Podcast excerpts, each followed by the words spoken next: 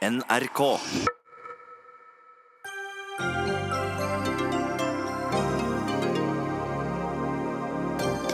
NRK ødelegger for mediemangfoldet, har de andre mediehusene sagt i årevis. I dag kom rapporten som konkluderer med det motsatte. Men Schibsted-redaktør produserer maken til ensidig framstilling. Unge Venstre foreslår å selge cannabis, katt og LSD over disk, men møter motstand i eget moderparti. Vi løser ingenting ved legalisering, svarer Venstre-politiker. Norsk Hydro liker å kalle seg best i miljøklassen, så hvordan kunne den påståtte giftlekkasjen i Brasil skje? Og er Julian Assange en varsler eller en farlig mann som setter uskyldige liv i fare? Wikileaks-gründeren er fratatt internettilgangen, og norske forfattere skriver støtteopprop.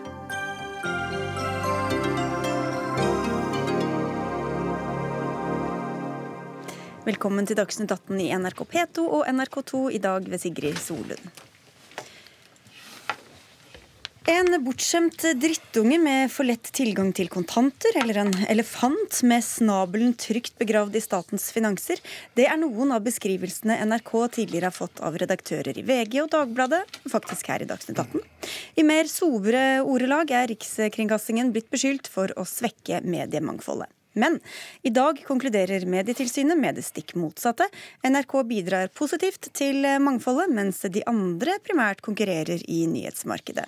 Men denne konklusjonen kjøper ikke du uten videre, Einar Haalien. Du er redaktør i Skipsted, som eier bl.a. VG og Aftenposten. Hvorfor er du kritisk til konklusjonen i rapporten? Fordi jeg syns at den er unyansert. Jeg syns den er veldig bombastisk i sine konklusjoner. Spesielt i en situasjon der vi vet at annen forskning drar i en annen retning. Eh, vi har ikke noe ønske om å eh, holdt på å si, ødelegge NRK. Vi anerkjenner NRK som en utrolig velfungerende og, og, og dyktig kringkaster. Dyktig medieaktør. Men vi mener det er viktig med en balanse i mediemarkedet, der det også er godt rom for private aktører framover i tid. Hva i rapporten er det du ikke setter din lit til, da? Nei, jeg syns den ikke tar inn over seg f.eks. det som kom fram i en rapport som noen BI-forskere la fram før påske, der det bl.a. står at 40 av de spurte sier at de bruker NRK mer etter at avisene begynte å ta seg betalt. Fordi Problemet her er jo at vi taper annonseinntekter i enormt omfang. Aftenposten f.eks. har tapt over en milliard kroner i annonseinntekter på ti år. Dvs. Si at hver fjerde av fem kroner har forsvunnet. Mm. Da må vi skaffe inntekter i brukermarkedet, og i brukermarkedet møter vi NRK som en aktiv konkurrent. Dette vet vi også fordi vi spør folk hvorfor de eventuelt ikke velger å, å abonnere på oss. Vi skal komme tilbake til det, men vi skal dvele litt ved denne rapporten. da. Eh, Mari Welsand, du er direktør i Medietilsynet og la fram denne rapporten i dag. Hvordan kan dere si så sikkert og bombastisk som vi hører her, at NRK bidrar til mediemangfold og ikke det motsatte?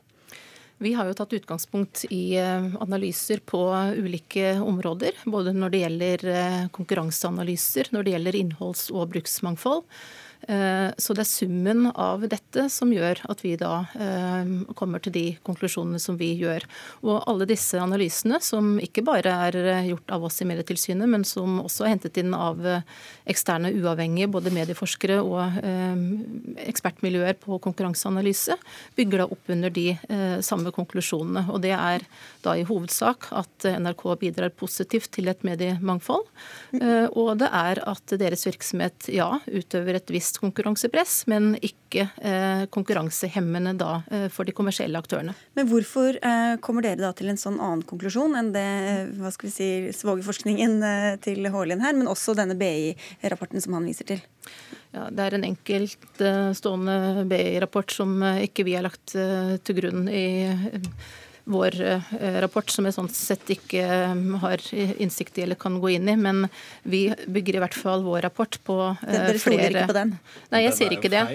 Men jeg sier bare at den har ikke vi fått gått inn i. En her. Ja. ja. Men vi har i hvert fall analyser som viser faktisk det motsatte i forhold til det som Einar Haalin her sier om at NRK har økt sin trafikk på bekostning av de kommersielle. Det er det altså ingenting som tilsier i de analysene som vi har gjort, snarere det motsatte. Nei, at dere taper annonseinntekter, det er, det er noe så, men hvordan kan dere vite at det er NRKs feil? Nei, altså vi, har sett på, La oss ta et eksempel. Problemet her er at balansen forrykkes, og NRK blir stadig mer dominerende. Hvis du ser på lesertallsutviklingen digitalt fra 2015 til 2017, så økte NRK med 18% i digitale flater.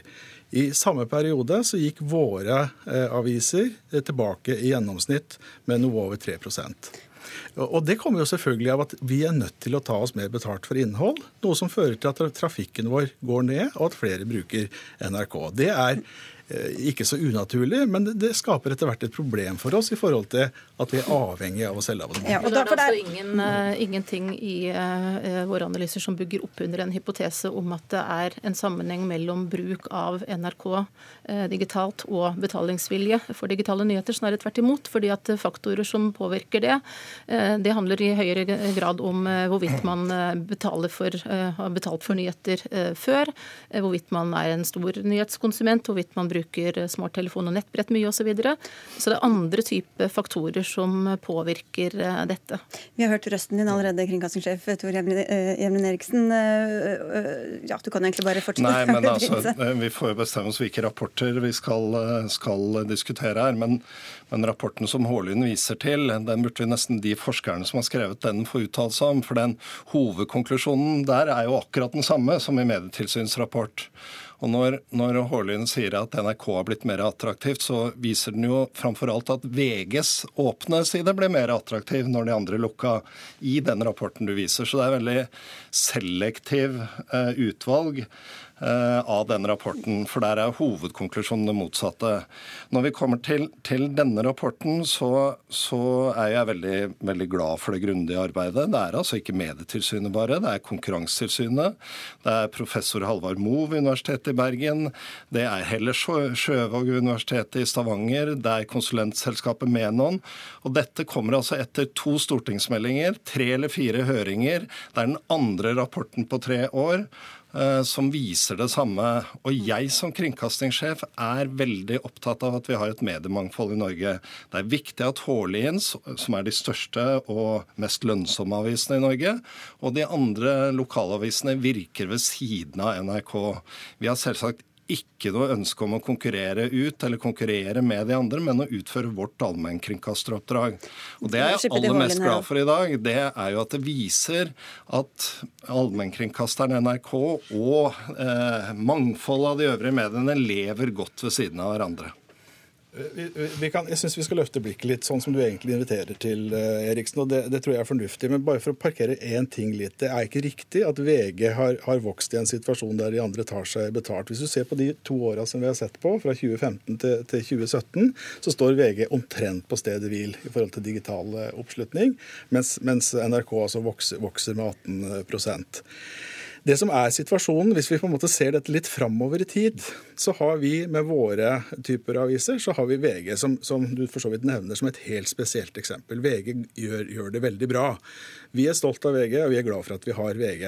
Problemet er at VG er helt særskilt i det norske mediebildet, og de er også et særskilt eksempel internasjonalt. Hvis du ser på nesten alle de andre avisene, hvis du ser på de abonnementsbaserte avisene, så er trenden ubrutt i én retning, og det går mot dårligere og dårligere inntektsgrunnlag og færre og færre journalister. Men poenget er altså at det er ikke eh, NRK som er eh, årsaken til den utviklingen, og det, er eh, også et viktig poeng. Vi har aldri sagt at NRK er årsaken til det. Den viktigste årsaken til dette er at Facebook og Google tar ca. 73 av annonseinntektene. Og så prøver vi på den andre sida å bygge inntekter i brukermarkedet. Og jeg sier jo ikke at NRK er liksom noe dominerende problem for vår mulighet til å, å vokse, men det er en medvirkende faktor til at vår vekstrate faller.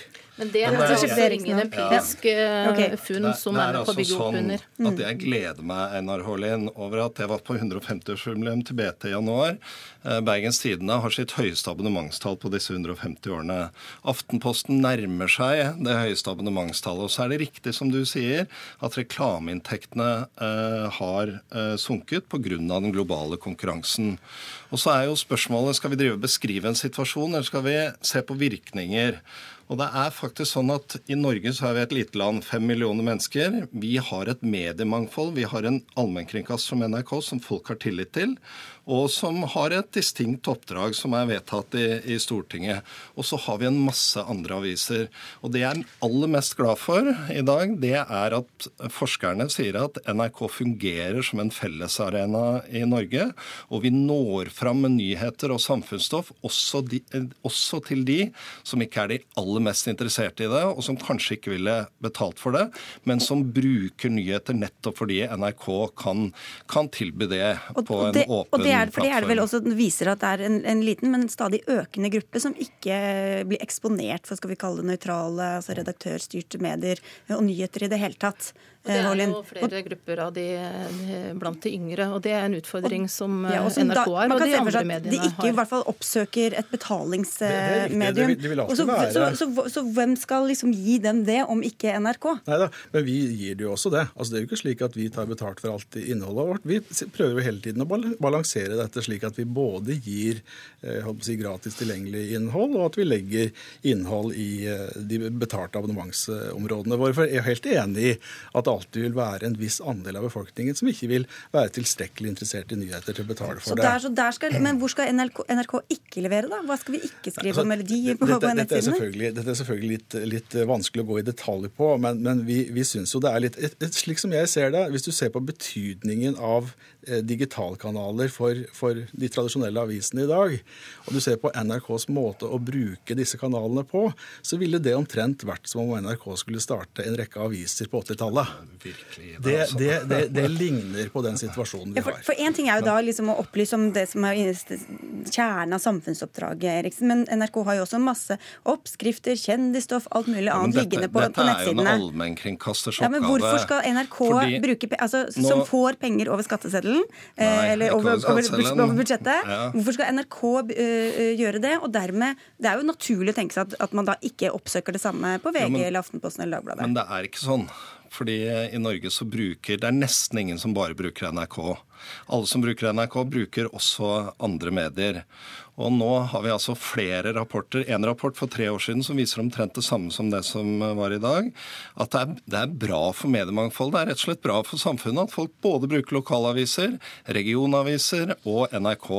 Og i dette tilfellet så har jo Medietilsynet spesielt undersøkt uh, nyheter og aktualitet.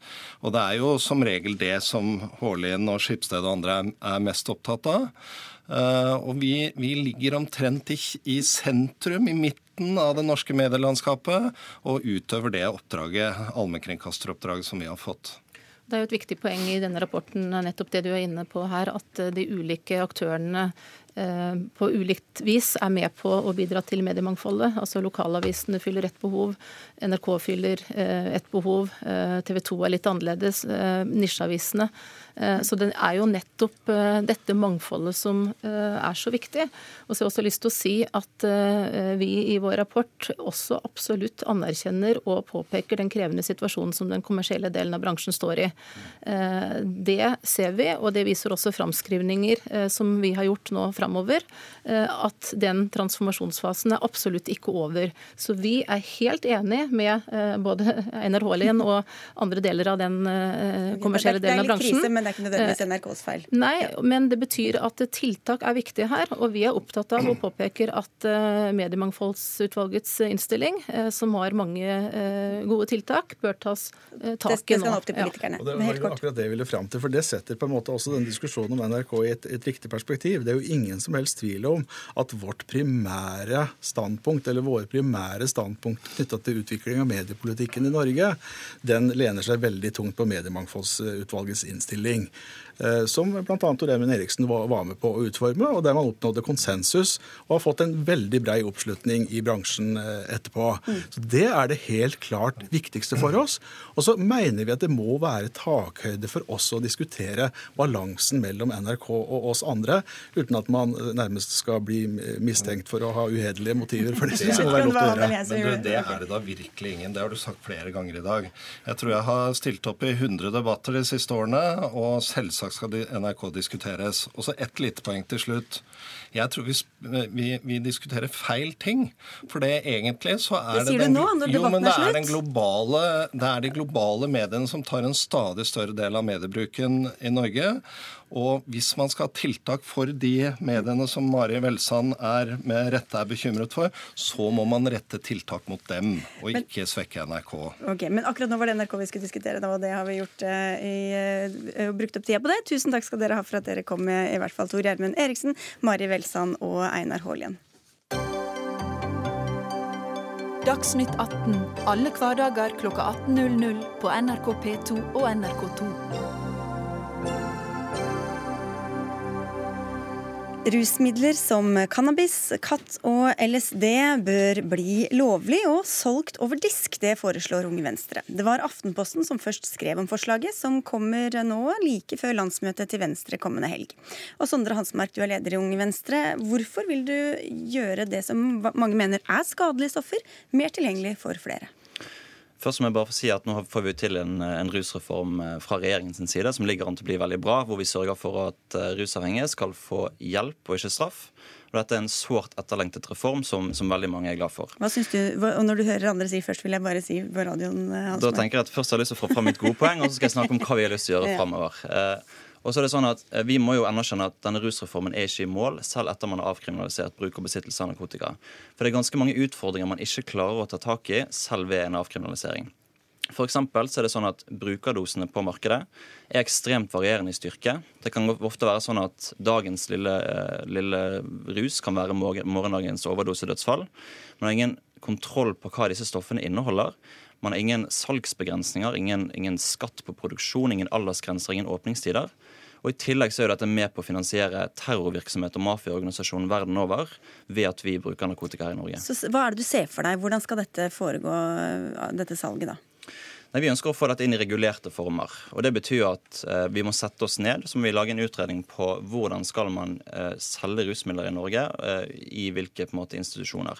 Så kan det godt hende at... Så dere vet ikke ennå? Nei, men altså, vårt, vårt, prinsipp bak ruspolitikken er at man skal regulere tilgang til narkotika etter skadepotensialet. Og da mener jeg at dette i hovedsak er en medisinsk problemstilling, hvor vi gir på en måte makt til fagfolk for å fortelle oss hva er lettere rusmidler, hvordan bør de reguleres, hva er tyngre rusmidler, og på hvilken måte kan de reguleres for at dette skal bli tryggest mulig for rusavhengige i Norge. Men noe skal liksom man kunne gå bare inn i en slags butikk eller en kiosk og kjøpe? Ja, det vi har sagt er at vi ønsker egne utsalgssteder for rusmidler med lettere skadepotensial. Okay. Og Det betyr f.eks. at man skal ha en vinmonopolordning for lettere rusmidler midler.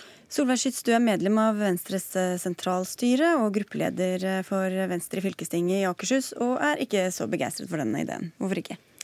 Jeg vil først eh, veldig gjerne anerkjenne noen poenger som Unge Venstre har. Altså, eh, Bare gjenta dem. Det er åpenbart et poeng at hvis eh, man legaliserer og regulerer salg av lettere rusmidler, så vil det skape en avstand mellom lettere rusmidler og salg av tyngre stoffer.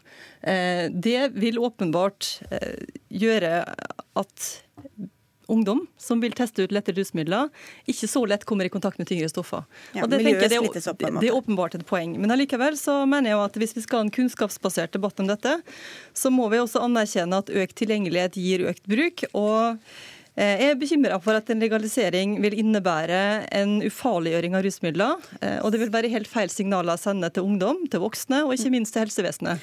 Det, ja, jeg, Unnskyld at jeg avbryter, men for, bare ta tak i det. da, for Det er det jo sånn at eh, det er sikkert en del som lar være å kjøpe disse stoffene som vi vet også kan være farlige. Utløse psykoser osv. Eh, som gjør den terskelen litt lavere. ikke sant? Du slipper å oppsøke et eller annet kriminelt miljø. Du kan bare gå inn i et renslig apotek nærmest og, og skaffe deg liksom for gøy og spenning. Men jeg mener at dagens ruspolitikk er jo totalt frislipp. Det er jo ingen skatt på rusmidler. Jo, men Den hindrer jo i hvert fall mange å oppsøke miljøer nei, som de ikke nei, ønsker. I dag så er det mye lettere for meg å gå ut på gaten en søndagskveld klokken 11 og få tak i illegale rusmidler enn det å få tak i en flaske øl. Men tror du ikke at mange vil, vil liksom, som kvier seg i dag, ikke ville gjort det dersom det kom eh, over disk? Vi må huske på at dette er den eneste måten vi kan løse de store utfordringene vi har innenfor ruspolitikken, og sørge for at de stoffene som blir brukt av de tunge rusavhengige, er trygge. Og da tenker jeg at Det må være vårt hovedmål i ruspolitikken. Å sørge for at de aller tyngste brukerne, de som sliter aller mest i samfunnet, får den hjelpen de trenger. Men jeg tror dessverre ikke at en regulert omsetning gjør at illegale markedet blir borte. Vi kan jo bare se oss om på hvordan spritsmuglermarkedet ser ut i dag. Hvordan det illegale markedet for eh, narkotiske stoffer, altså legemidler som skrives ut av lege, ser ut. Der er det et stort illegalt marked. Og så er vi allerede der at eh, opiater foreskrevet av lege de forårsaker nå flere overdosedødsfall enn heroin. Og Det tenker bør være en tankevekker. Altså Det illegale markedet for rusmidler hvis du sammenligner på en måte med, med, med, andre typer som sprit, er jo helt gigantisk. Det er jo åpen, altså det er jo det er utelukkende kontrollert av det svarte markedet. Og Hvis du sammenligner for med forbudstiden i USA, da det ikke var lov å kjøpe alkohol, så så man at eh, prisene gikk ned på sprit. Man puttet metanol i spriten, som var mye farligere enn alkohol. Og mafiaorganisasjoner tjente seg søkkrike på på distribuering og salg. Og det, det, er jo akkurat den situasjonen vi har eh, i ruspolitikken i Norge i dag, som jeg ønsker å ta tak i og regulere ganske strengt. Så alt skal reguleres, altså alt skal være tilgjengelig, hvis man god, men noe skal være på resept og noe ikke, da? Eller? Jeg ønsker først og fremst at det absolutt ikke skal straffe seg å bruke narkotika. fordi at de aller tyngste rusavhengige trenger ikke straff, de trenger hjelp. Og så akkurat hvilke rusmidler man skal f.eks. tilby på resept, hvilke man skal tilby gjennom legebehandling, og hvilke man skal tilby på et eget utsalgssted, det er man nødt til å se nærmere på. Men det er et viktig prinsipp at man skal differensiere og klassifisere narkotika etter skadepotensialet og regulere tilgangen deretter. Og, og hvem skal få ansvar for å produsere, kvalitetssjekke, forhandle? Alle disse tingene, hvis, hvis staten skal liksom være, være, den som eh, skal gjøre dette tilgjengelig? Mm. Altså, det er mange spørsmål vi ikke har svar på ennå. og Det er derfor vi ønsker en bred utredning av dette. Og Den utredningen vi får nå av den rusreformen, den syns jeg er litt for begrenset. For den ser ikke på en måte hvordan kan vi ta kontroll over det svarte markedet. Hvordan kan vi slå beina under de som selger på gaten, mafiavirksomhet som finansierer alt dette. Og så er det på en måte en, et åpent spørsmål hvordan vi skal produsere dette i Norge. Kanskje det er en god idé å gjøre, kanskje ikke. Da trenger vi en mer faglig utredning eh, i bunnen. Okay, så mange spørsmål ubesvart, men i hvert fall kanskje ikke kan det bli så mye verre enn i dag, eh, Skyts, med den overdosedødsfallstatistikken vi har bl.a. her i Norge. Det er ikke noe tvil om at vi må gjøre noe med overdosedødsfallstatistikken. Og dette her eh, handler om å hjelpe mennesker istedenfor å straffe dem. Og det er klart at det vi nå får til Men ikke dette? Jeg har altså ingen tro på at det å regulere deler av dette markedet vil gjøre at det svarte markedet blir borte. og Det er kanskje der, eh, der vi skilles ad. Eh, og så er det også noe med at eh, Nå er det ganske mange land rundt oss som deregulerer dette, som tillater salg av noen narkotiske skuffer. Og jeg mener at nå bør vi vente se an hvilke erfaringer ulike land gjør seg. For dette her er jo på en måte pågående eksperimenter egentlig med rusmiddelpolitikk. Okay. Eh, og så må vi se hvordan det utvikler seg. Det er klart at Nå ser vi ulike studier fra ulike land. Eh, rusbruken blant ungdom i Norge er relativt, eller i Norden er relativt lav i forhold til mange andre land. Eh, og må vi, Det må vi også tenke på når vi sammenligner studier og ser hva som skjer. For vi sammenligner ikke to like ting her. Det er epler og pærer. Og hvem som vinner fram, må vi nesten vente til helga med å se når dere skal altså møtes på Venstres landsmøte. Takk for at dere tok et lite vorspiel her eh, hos oss. Begge to Sondre Hansmerk fra Unge Venstre og Solveig Skytz fra Moderskipet.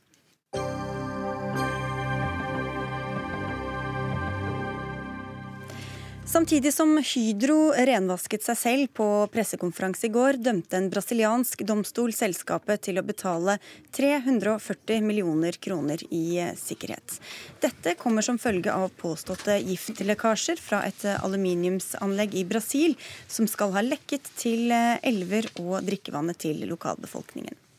Hydro nekter for at varig forurensning skal ha skjedd. Kirsten Margrethe Håvi, du er assisterende direktør i Hydro. Likevel er dere altså dømt av en brasiliansk forretningsdomstol til å stille 340 millioner kroner i bankgaranti etter utslippsskandalen. Først, gjør dere det? Det er det jo opp til en det er det opp til en vurdering eh, som vi nå holder på med, å gå gjennom eh, den, eh, den kjennelsen fra Ministeriet Publico. Og deretter så vil vi jo ta stilling til hvordan vi skal håndtere det. Hva er deres versjon av, eller kortversjon kan jeg spørre om hva som skjedde på dette aluminiumsraffineriet? Eh, vår kortversjon er at det kom et usedvanlig kraftig regnvær natt til 17.2. Eh, eh, og det fortsatte å regne. I løpet av hele februar så kom det om mer enn 90 cm regn. Mer enn 900 mm nedbør. Eh, det førte til at eh, vi måtte gjøre noen grep på anlegget for å sørge for at eh, vi ikke slapp ut forurenset vann fra de såkalte rødslamdeponiene våre. Og i stedet så slapp vi da ut regnvann som vi ikke hadde lisens til å slippe rett ut i Paraelven, men vi gjorde det. Det må mm. sies at Paraelven det er en eh, elv i Amazonasdeltaet som er tre ganger så bred som Mjøsa. Men i går la dere altså fram to rapporter hvor dere sier at det ikke har ført til alvorlig eller varig forurensning, som du sier nå. Hvordan kan dere være så sikre på det når brasilianske myndigheter sier noe annet? Eh, det kommer litt an på hvilke brasilianske myndigheter du spør. Miljømyndighetene? Eh, miljømyndighetene har bekreftet, altså Ibama, som er føderal miljømyndighet, og SEMAS, som er eh, den statlige miljømyndigheten i staten Pará, hvor vi har vår aktivitet, de har begge bekreftet at det ikke har vært utslipp fra våre rødslamdeponier. Eh, så, det så dette, dette er dere sikre på? Dette er vi så sikre på som vi kan være på det nåværende tidspunkt. Det er også bekreftet av en, av en tredjepartsrapport laget av eh, det brasil anerkjente brasilianske miljøselskapet eh, SGW, eh, og av vår interne rapport på samme tema. Du, mens dette ble lagt fram eh, i går, var du der, Runa Haug i Kori. Du er fagsjef i Bellona og har fulgt denne saken. Og du sier at de dobbeltkommuniserer fra Hydros side. Hvordan da? Jeg vil ikke kanskje si dobbeltkommunisere, men eh, jo, vi satt jo igjen med det paradokset da at eh, mens det på den ene sida ble veldig tydelig lagt fram at det ikke hadde vært forurensning og ingen var hadde skjedd, så var Brandtzæg samtidig på både det at man skal bedre altså sjefen i, Hydro. Eh, sjefen i Hydro. At man skal eh, ettersikre 500 millioner på miljø og ruste opp vannhåndteringssystemet med det, som det da åpenbart er behov for. Eh, og at man skulle bedre lokal miljøkompetanse. Eh, og det ble også lansert en visjon om at eh, dette eh, anlegget skal bli verdens beste på miljø. Nå kjenner jo vi Brandtzæg allerede som en som har vært veldig opptatt av miljø, og vi kjenner jo Hydro som et ansvarlig selskap på miljø. Så vi stiller oss jo litt spørrende til hvordan, hvordan skal man klare å få gjort de nødvendige eh, forbedringen og endringen kulturelt på anlegget i forhold til miljøtankegang nå. Eh, hvis man ikke har klart det på en måte så langt. Ja, Da kan vi jo stille spørsmål til deg. Da. Hvorfor har dere ikke rustet opp tidligere? Og det har vi jo gjort. Eh, ikke som, tilstrekkelig da, tydeligvis. Som eh, mange vet om, så var det et uh, utslipp fra, av rørslamforurenset vann fra Alunorte i 2009. Etter det så har vi styrket eh, dikene på anlegget for at det ikke skulle skje om igjen. Og vi har også økt vannbehandlingskapasiteten med 40% så er det sånn, eh, som de fleste av oss også er klar over, at eh, vi ser klimaendringene lokalt allerede. Og det gjør at bare i løpet av de snart ti årene som har gått siden 2009, så har det skjedd ganske mye med klimaet. Og vi må forberede oss nå for villere og våtere eh, klimaforhold. Og Derfor så startet jo vi i fjor en gjennomgang av vår klimarisiko, som bl.a. da også ser på risiko knyttet til, eh, til, klima, nei, til, til fysiske eh, endringer av været. Og det er jo en del av grunnlaget for at vi nå da så raskt har kunnet se at å gå ut med at eh, vi må ruste opp eh, vannbehandlingsanlegget vårt ytterligere. Veldig, vel, vel kort fra deg før vi går videre. Mm. Nei, ja, Det tror jeg, det kan vi jo alle lære av det som har skjedd i Alle Norte. er at nå går Vi vi snakker ikke lenger om klimarisiko, vi snakker om klimakonsekvens. Eh, det her er tusenårsskeiene, eller titusenårsskeiene, som kom den 17. februar. Eh, det er jo noe som eh, industrien hjemme og ute i stadig større grad må forholde seg til.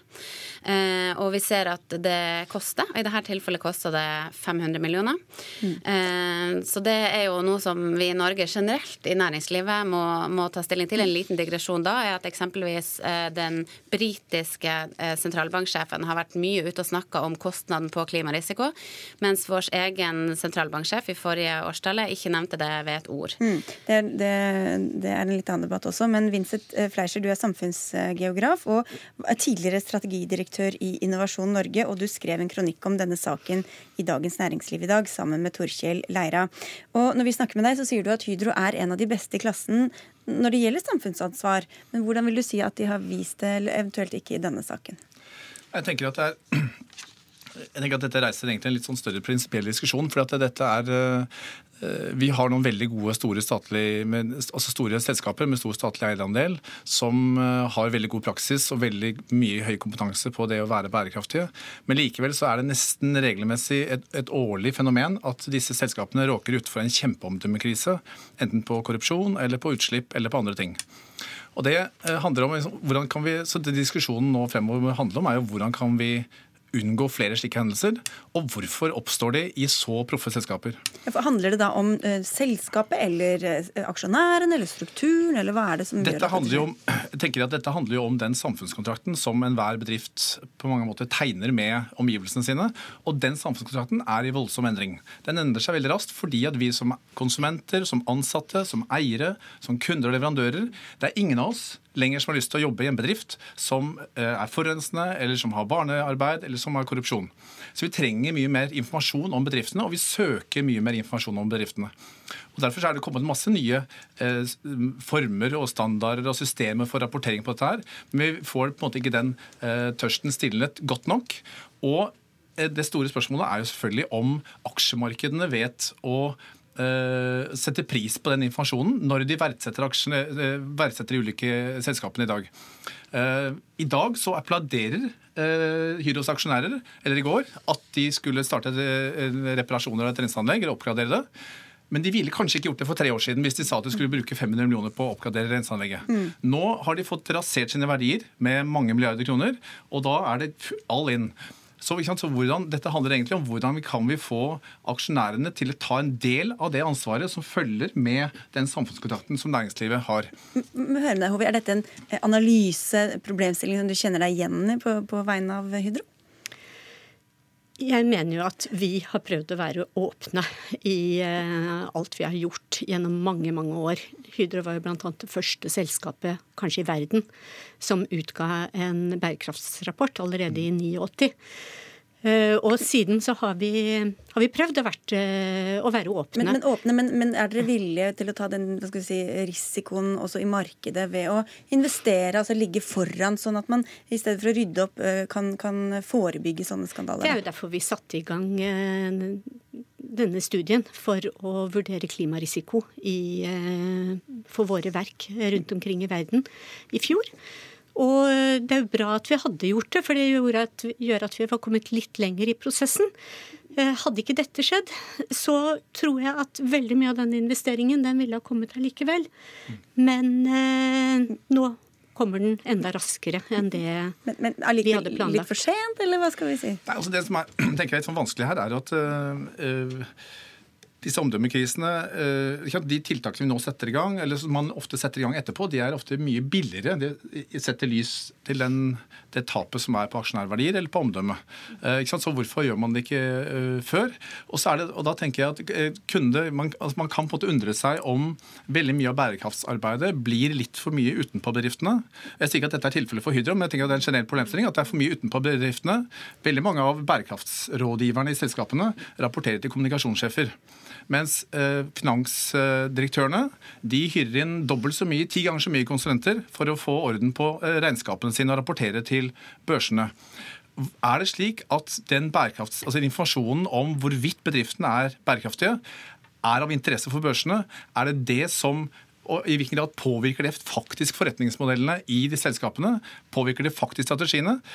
Det er jo sånn at De fleste av disse store selskapene nå har eh, strategier som er liksom i linje med bærekraftsmålene til FN, og gjør veldig mange ting på, på papiret veldig riktig nå. Og så er det vel slik at Nå er det veldig mye operasjonaliseringen som må komme, og det er kjempekrevende. For hva betyr det for de ulike virksomhetene? Hvordan skal de tilpasse seg? Og en stor, sterk bedrift som Hydro gjør selvfølgelig veldig mange riktige ting på energisiden, på, eh, på footprint, alt mulig rart.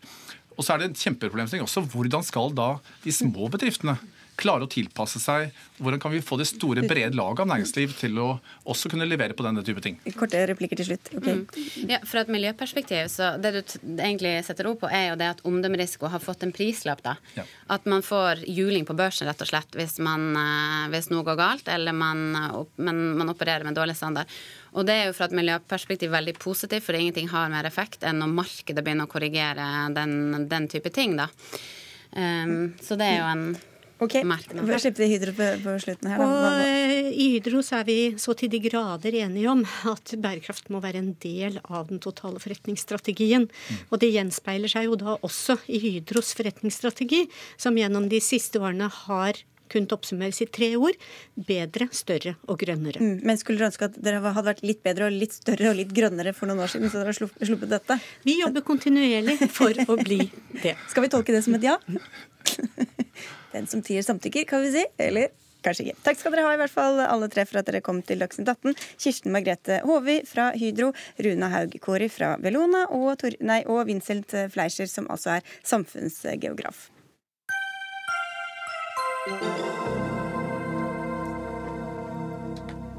Så skal det handle om Wikileaks-gründer Julian Assange. Er han en modig varsler og ytringsfrihetsaktivist, eller en som setter andres liv i fare gjennom det han publiserer? Debatten er i gang igjen etter at den ekvadorianske ambassaden i London, hvor Assange bor, har kuttet internett- og telefontilgangen hans. Nå har en rekke norske eh, kulturpersonligheter og akademikere undertegnet på et opprop i Dagbladet hvor det står at den skandaløse kneblingen av Julian Assange Assange må ta slutt. Sitat slutt. Og du er en av initiativtakerne, Gisle Selnes. Du er professor ved Institutt for lingvistiske, litterære og estetiske studier ved Universitetet i Bergen. Og først, hva mener dere med at Assange er kneblet? Ja, det er jo ganske bokstavelig ment.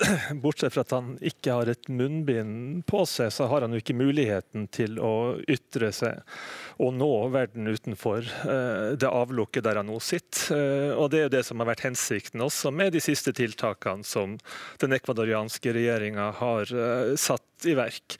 Så han sitter nå da ikke bare uten mulighet til å kommunisere via nett og telefon, men også med streng besøkskontroll, som da grenser til besøksforbud. Så han har da altså sittet i ambassaden nå, i, isolat så å si, siden 2012. 2012, og nå den siste uka, vel så det, så har situasjonen blitt ytterligere forverra ved at han også er isolert, i den forstand at han ikke kan kommunisere med utverden. Og Det er jo et klart brudd på den europeiske menneskerettighetskonvensjoner på enhver eh, holdt jeg på å si, alminnelig rettsfølelse, og egentlig på alle nasjonale regelverk også, som kan kalles demokratisk. Og Det er det dere altså mm, påpeker eller kritiserer i dette oppropet, som du kaller tøvete, Erik Løkke. Du er rådgiver i Tankesmia Civita. Hvorfor er det tøvete? Jo, fordi jeg syns det er tøvete, og det er flere grunner til det. Eh, for det første så har jo Assange eh, sin historie når det gjelder oppførsel med hensyn til hans publikasjoner, publikasjoner. Det syns jeg har vært dypt problematisk. Mange av hans publikasjoner og hans måte å operere på har satt uskyldige folk i fare. Så han fortjener ikke bedre, er det det du sier? Nei, det, altså, han har selvsagt krav på ytringsfrihet som alle andre, men det er jo knapt noen i hele verden som har hatt mer ytringsfrihet enn eh, Julian Assange.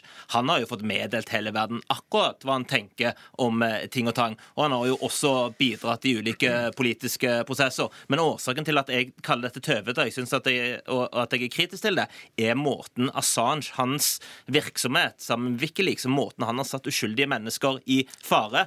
Og i tillegg så har han jo også blitt en eh, løpegutt for russerne russerne og illiberale krefter.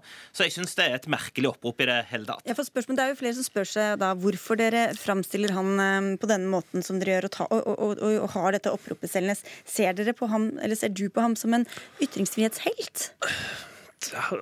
Det finnes jo ikke så mange helter og skurker, svart og hvitt, i dagens verden. Jeg ser på han som en ytringsfrihetsaktivist og som en forkjemper for større åpenhet og, ja, offentliggjøring av eh, dokumenter som eh, urettmessig er holdt eh, unna offentligheten.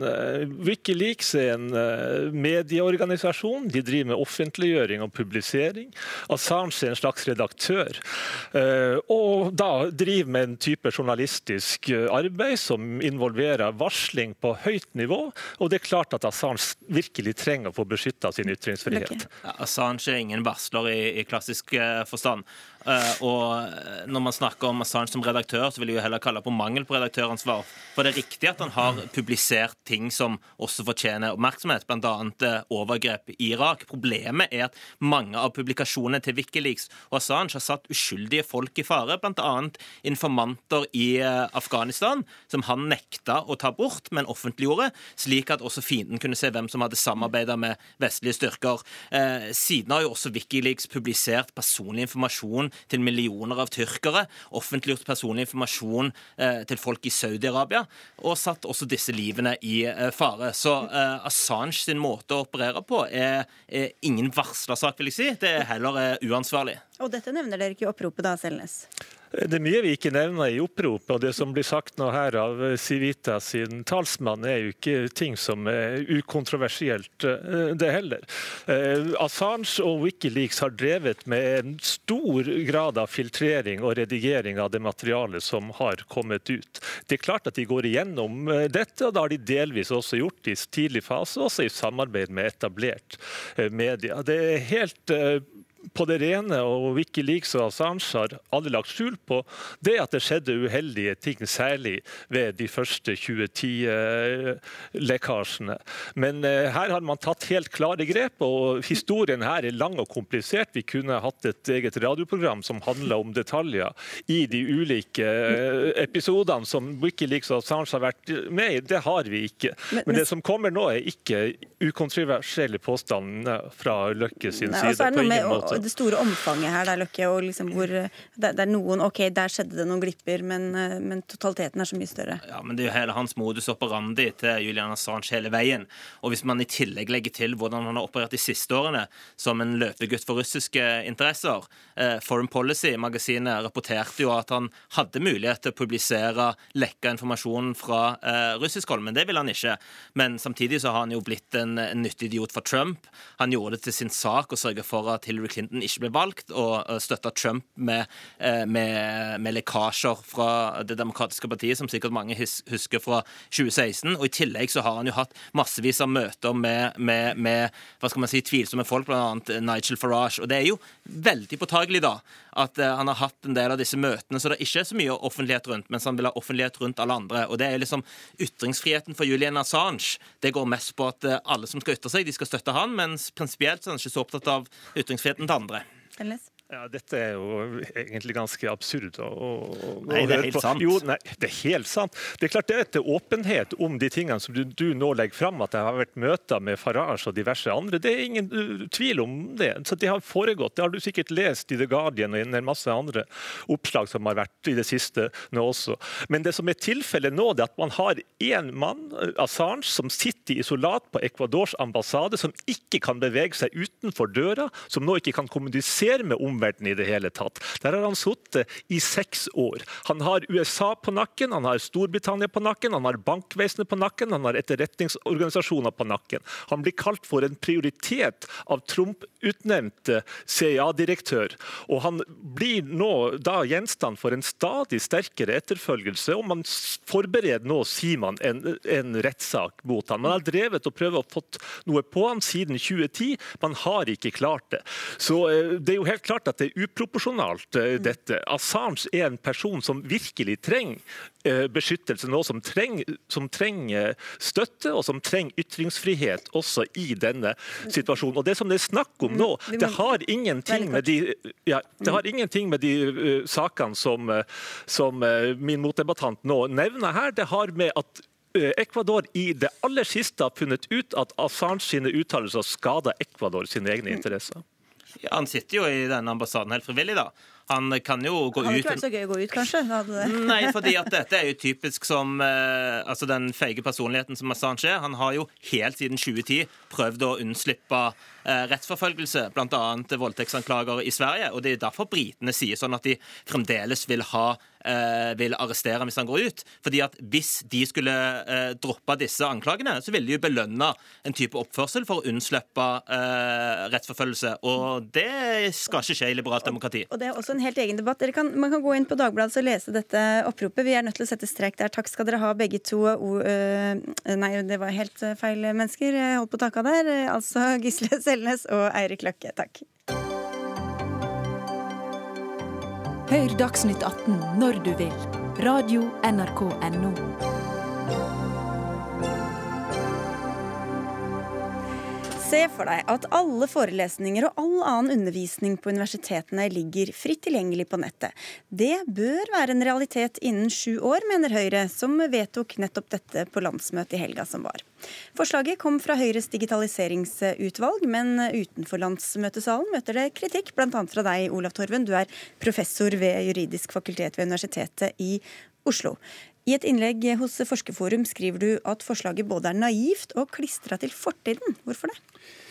For å ta det siste først, så synes jeg at altså, Man snakker om forelesninger. og, for, og Jeg har ikke noe mot å legge ut forelesninger. Jeg har lagt ut det meste jeg har hatt av forelesninger de siste 10-15 årene. Men øh, vi driver veldig lite med forelesninger. En veldig liten del av min undervisning er forelesninger. Det meste av undervisningen foregår i mindre grupper med kurs, seminarer som forutsetter aktiv deltakelse av studenter.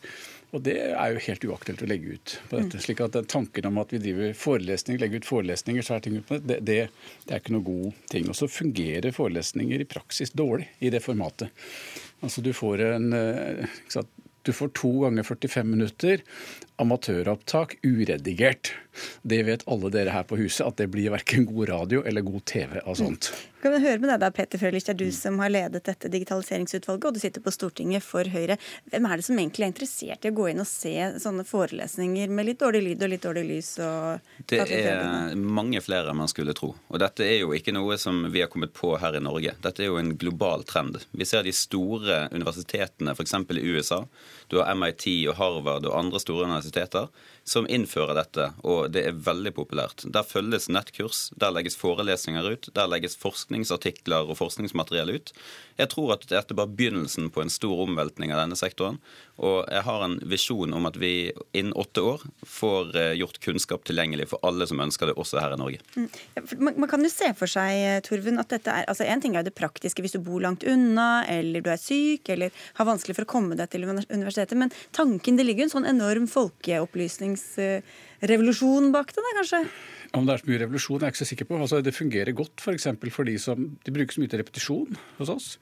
Eh, og fungerer godt for de som ikke kan være til stede. Men altså, jeg har vært gjennom dette veldig mange runder ved Universitetet i Oslo, gitt under forskjellige overskrifter om fjernundervisning, fleksibel læring, og så var MOOC som var per motor en stund, og, så går det igjen, og som er hele tiden det samme, og den samme ideen som ligger bak.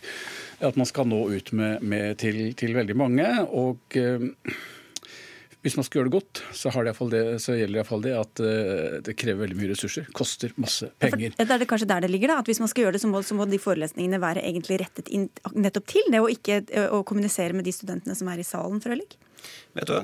Jeg har lyst til å peke på et eksempel eh, som vi allerede har. Kan du ikke svare på det egentlig? først, før du kommer til det eksempelet? Jo, altså, Selvfølgelig vil det koste litt å tilrettelegge for det, og sånn. men vi kan jo ikke la oss stanse av det. Altså, det, er ikke, det, det, er ikke vanskelig å finne skeptikere som liksom peker på hvordan skal dette gjøres i praksis, hvordan skal det gjøres økonomisk, hva skal vi gjøre med opphavsretten, hvordan skal tariffene reforhandles osv. Men vet du jeg er litt lei av alle de som bare skal liksom streke med føttene og liksom påpeke små feil her og der og der.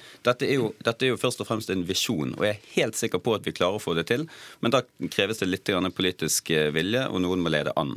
Og Det interessante eksempelet som jeg da skulle nevne, det er jo Høgskolen i Molde.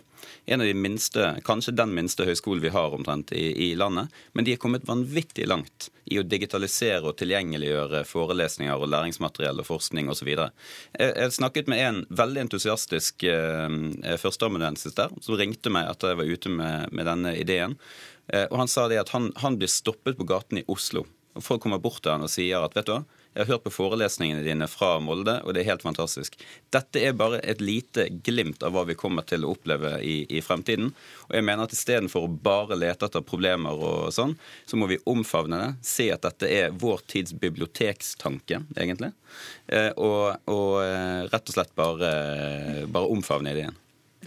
Selv om du har prøvd det ti ganger før?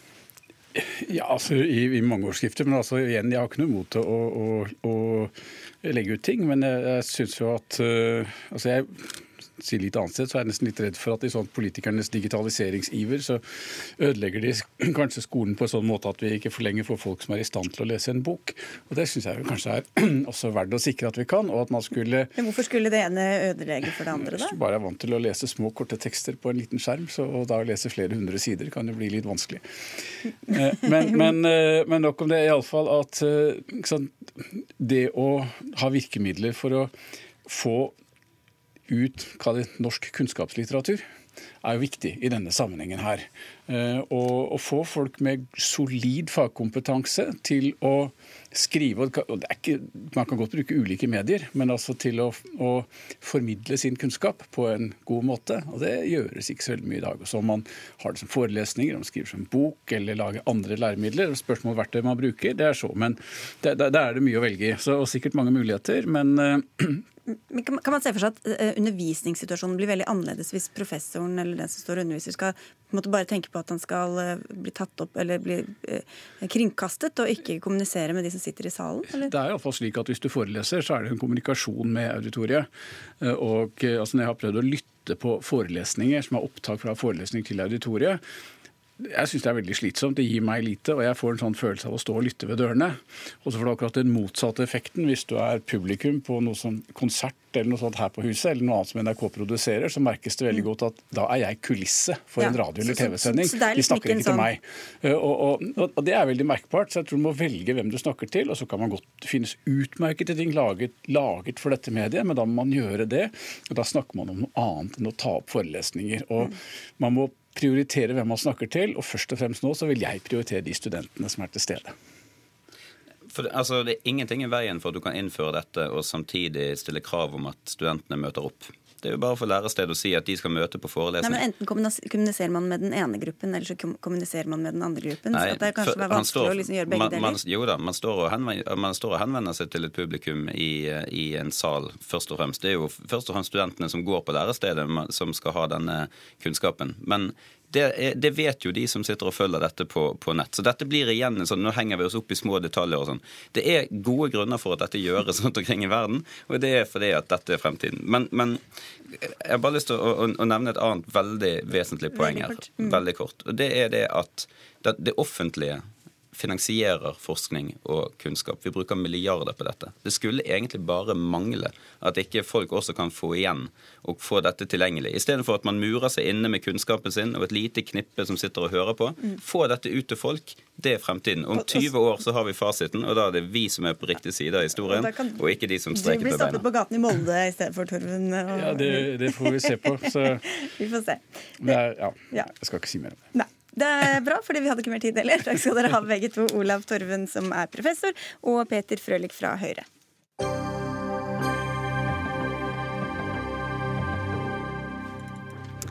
Flere innvandrere må komme i jobb. Der er alle enige. At det letter integreringa, er det heller ikke noen uenighet om.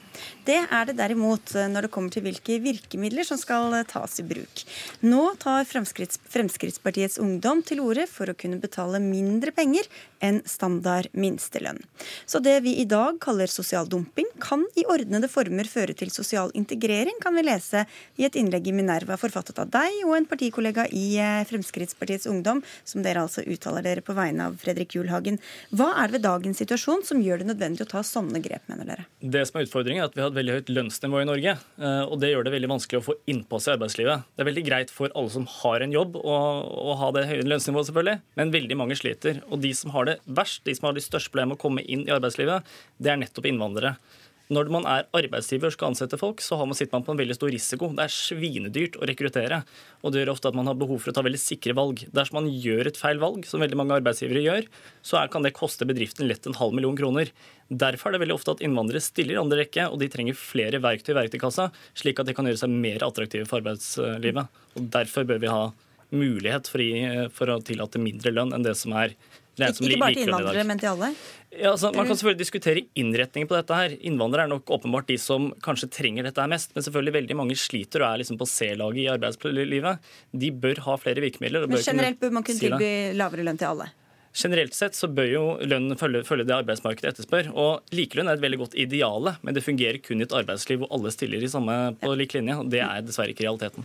Andrea Sjøvold, leder i Sosialistisk Ungdom. Du er enig i at arbeid er veien til holdt på å si, lykken, i hvert fall til integrering og Absolutt. Arbeid er kjempeviktig hvis vi skal få en god integrering, men det her vil jo ikke være et godt forslag. Eh, man snakker om C-lag, men her vil man jo skape et A- og C-lag eh, i arbeidslivet som vi alle sammen eh, kommer til å tape på. Eh, vi har, lever i et Norge der vi ser stadig økte forskjeller, og dette er et forslag som kommer til å bidra til enda økte forskjeller. Men hvordan kan du si at det blir økte forskjeller dersom flere kommer seg i jobb, eh, enn det er i dag når noen står år etter år utenfor arbeidslivet? Altså, det å åpne for flere underbetalte eh, stillinger vil jo kun føre til flere underbetalte stillinger. Det vil eh, ikke nødvendigvis føre til at flere kommer inn i arbeid, eller i hvert fall ikke føre til at vi får et, et trygt, anstendig og inkluderende arbeidsliv. Det eneste som fører til et inkluderende og anstendig arbeidsliv, det er at vi kjemper for et inkluderende og anstendig arbeidsliv. Så Hvorfor ikke heller da gå for tiltak som fører til f.eks. smidigere overganger? altså At du får lettere godkjent utdannelsen din, at du får økt kompetanse, at du kommer deg inn i det ordinære arbeidslivet i stedet for å bli en sånn eh, undergruppe i samfunnet? Ja, Vi må selvfølgelig prøve alle gode virkemidler. Eh, man prøver på veldig mye allerede, men virkningen er litt sånn, den er litt mangelfull. Og som jeg sier, selv hvis du har den samme utdannelsen, du skal vurdere mellom en arbeidssøker som er etnisk norsk, og en som kanskje har bodd i Norge i tre, fire, fem år, så er det veldig lett for arbeidstaker og nei, arbeidsgiver å ta det som er et sikkert valg, for det du vet er godt integrert og kan det norske språket. Det er veldig viktig, altså, som sier, Arbeid er den beste formen for integrering. og det er derfor det er veldig viktig å få folk som er utenfor arbeidslivet, til å komme inn i det, slik at de da kan opparbeide seg den kompetansen og den uh, autoriteten de har for å kan, kunne få en bedre og full lønn etter hvert. Hva tror du er sannsynligheten for at en, hvis du tenker realistisk på det, hva slags mm. jobber man får, så er det vel sannsynligvis ikke en hvor du bruker språket mye, f.eks., eller lærer deg nødvendigvis språket mye. At du kommer deg ut av den og liksom klarer å få masse økt kompetanse og, og klarer å klatre opp på den stigen hvis du først har blitt ansatt i en slags sånn undergruppe, for å si det sånn? da? Jeg vil ikke akkurat si det er en undergruppe, for at du jobber jo i det samme arbeidslivet som alle andre. og Det er, blir jo mer og mer servicerettet, og manuelt arbeid begynner å bli mer og mer utdatert og mye mer robotisert. Det er jo derfor nettopp du trenger å få folk som egentlig ikke stiller den kompetansekravene som skulle ha vært, til å komme inn i den eh, arbeidsplassen. slik men, at de kan opparbeide den kompetansen. Men tror du de klarer å klatre liksom, og få masse kompetanse i de jobbene som det, de da vil være tvil, og Sånn er det for alle arbeidstakere. ikke sant? En arbeidstaker skaper gjerne ikke en eneste krone i verdier for bedriften det første halvåret en jobber der, fordi at du trenger opplæring og at noen, du må sette veldig mye ressurser på det. Så generelt sett så er det viktig at folk får arbeidserfaring. Koste hva det koste vil. Og hvis man kan bruke lønn som et virkemiddel for at flere kan komme inn og få den muligheten til å få arbeidstrening, til å få norskopplæring, så kommer jo det til å gagne fellesskapet. Og det er det vi hører. La oss få prøve oss, sier jo ja, mange der. Ja, og det sier ofte høyresida. Eh, og de sier at eh, vi skal få ungdom i arbeid med å få flere midlertidige stillinger. Vi skal få innvandrere i arbeid med å gi dem dårligere lønn. Og kvinner jobber allerede mye ufrivillig deltid og tjener allerede for dårlig. Hvem er det som sitter igjen da med hele, faste stillinger med god lønn? Jo, det er hvite menn.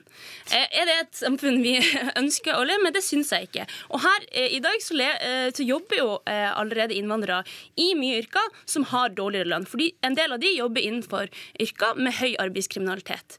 Og istedenfor å ta kampen mot sosial dumping og ta kampen mot arbeidskriminalitet, så jobber her FPU og Fredrik for å legalisere det. FPU, som vanligvis er tough on crime, er nå akkurat når det kommer til arbeidslivskriminalitet, så er visst ikke det så viktig lenger. Hvis det skal være ordnede forhold, da er det vel ikke arbeidslivskriminalitet? og hvis det skal gjøre det, det her handler jo om å gi alle den samme dårlige lønna, alle de samme dårlige arbeidsvilkårene. Dette handler egentlig om å skape flere muligheter for flere. Og det er selvfølgelig for å opparbeide seg det lønnsnivået som alle vi andre har. Men når de er utenfor arbeidslivet, så har du ingen muligheter. Det er akkurat det vi er nødt til å fikse. Og da er vi nødt til å ty på litt uh, sterke virkemidler som kanskje er utenfor vår egen komfortsone. Og da er det også sånn, I Danmark så har dansk LO og dansk arbeidsgiverforening blitt enige om lavere minstelønnssatser.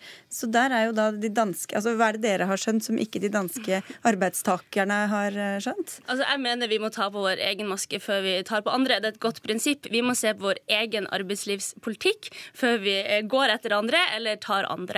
Og da mener jeg at vi i Norge skal ha en anstendig ja, Det får vi jo se. Da kan vi ta debatten igjen. Men i dag så mener jeg at vi har veldig mange tiltak vi ikke har prøvd for å få innvandrere inn på arbeidsmarkedet på lik linje med etnisk nordmenn. Danske ser på at dette kan gi 10 000 nye arbeidsplasser, så jeg lurer egentlig på hvorfor du ikke har lyst på 10 000 nye arbeidsplasser i Norge. Spesielt hvis de kan tilfalle de som står nederst ved bordet i dag.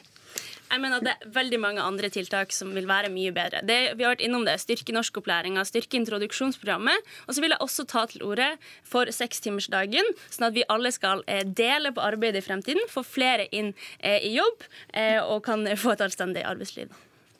Ja, Hvis du har fem sekunder. Ja, altså, det er veldig, Skyte ned det veldig hyggelig at du har lyst til å styrke introduksjonsprogrammet. Problemet er det at introduksjonsprogrammet bare setter deg i gang. Men du må faktisk få arbeidserfaringen for å kunne klare å bli en fullt integrert borger.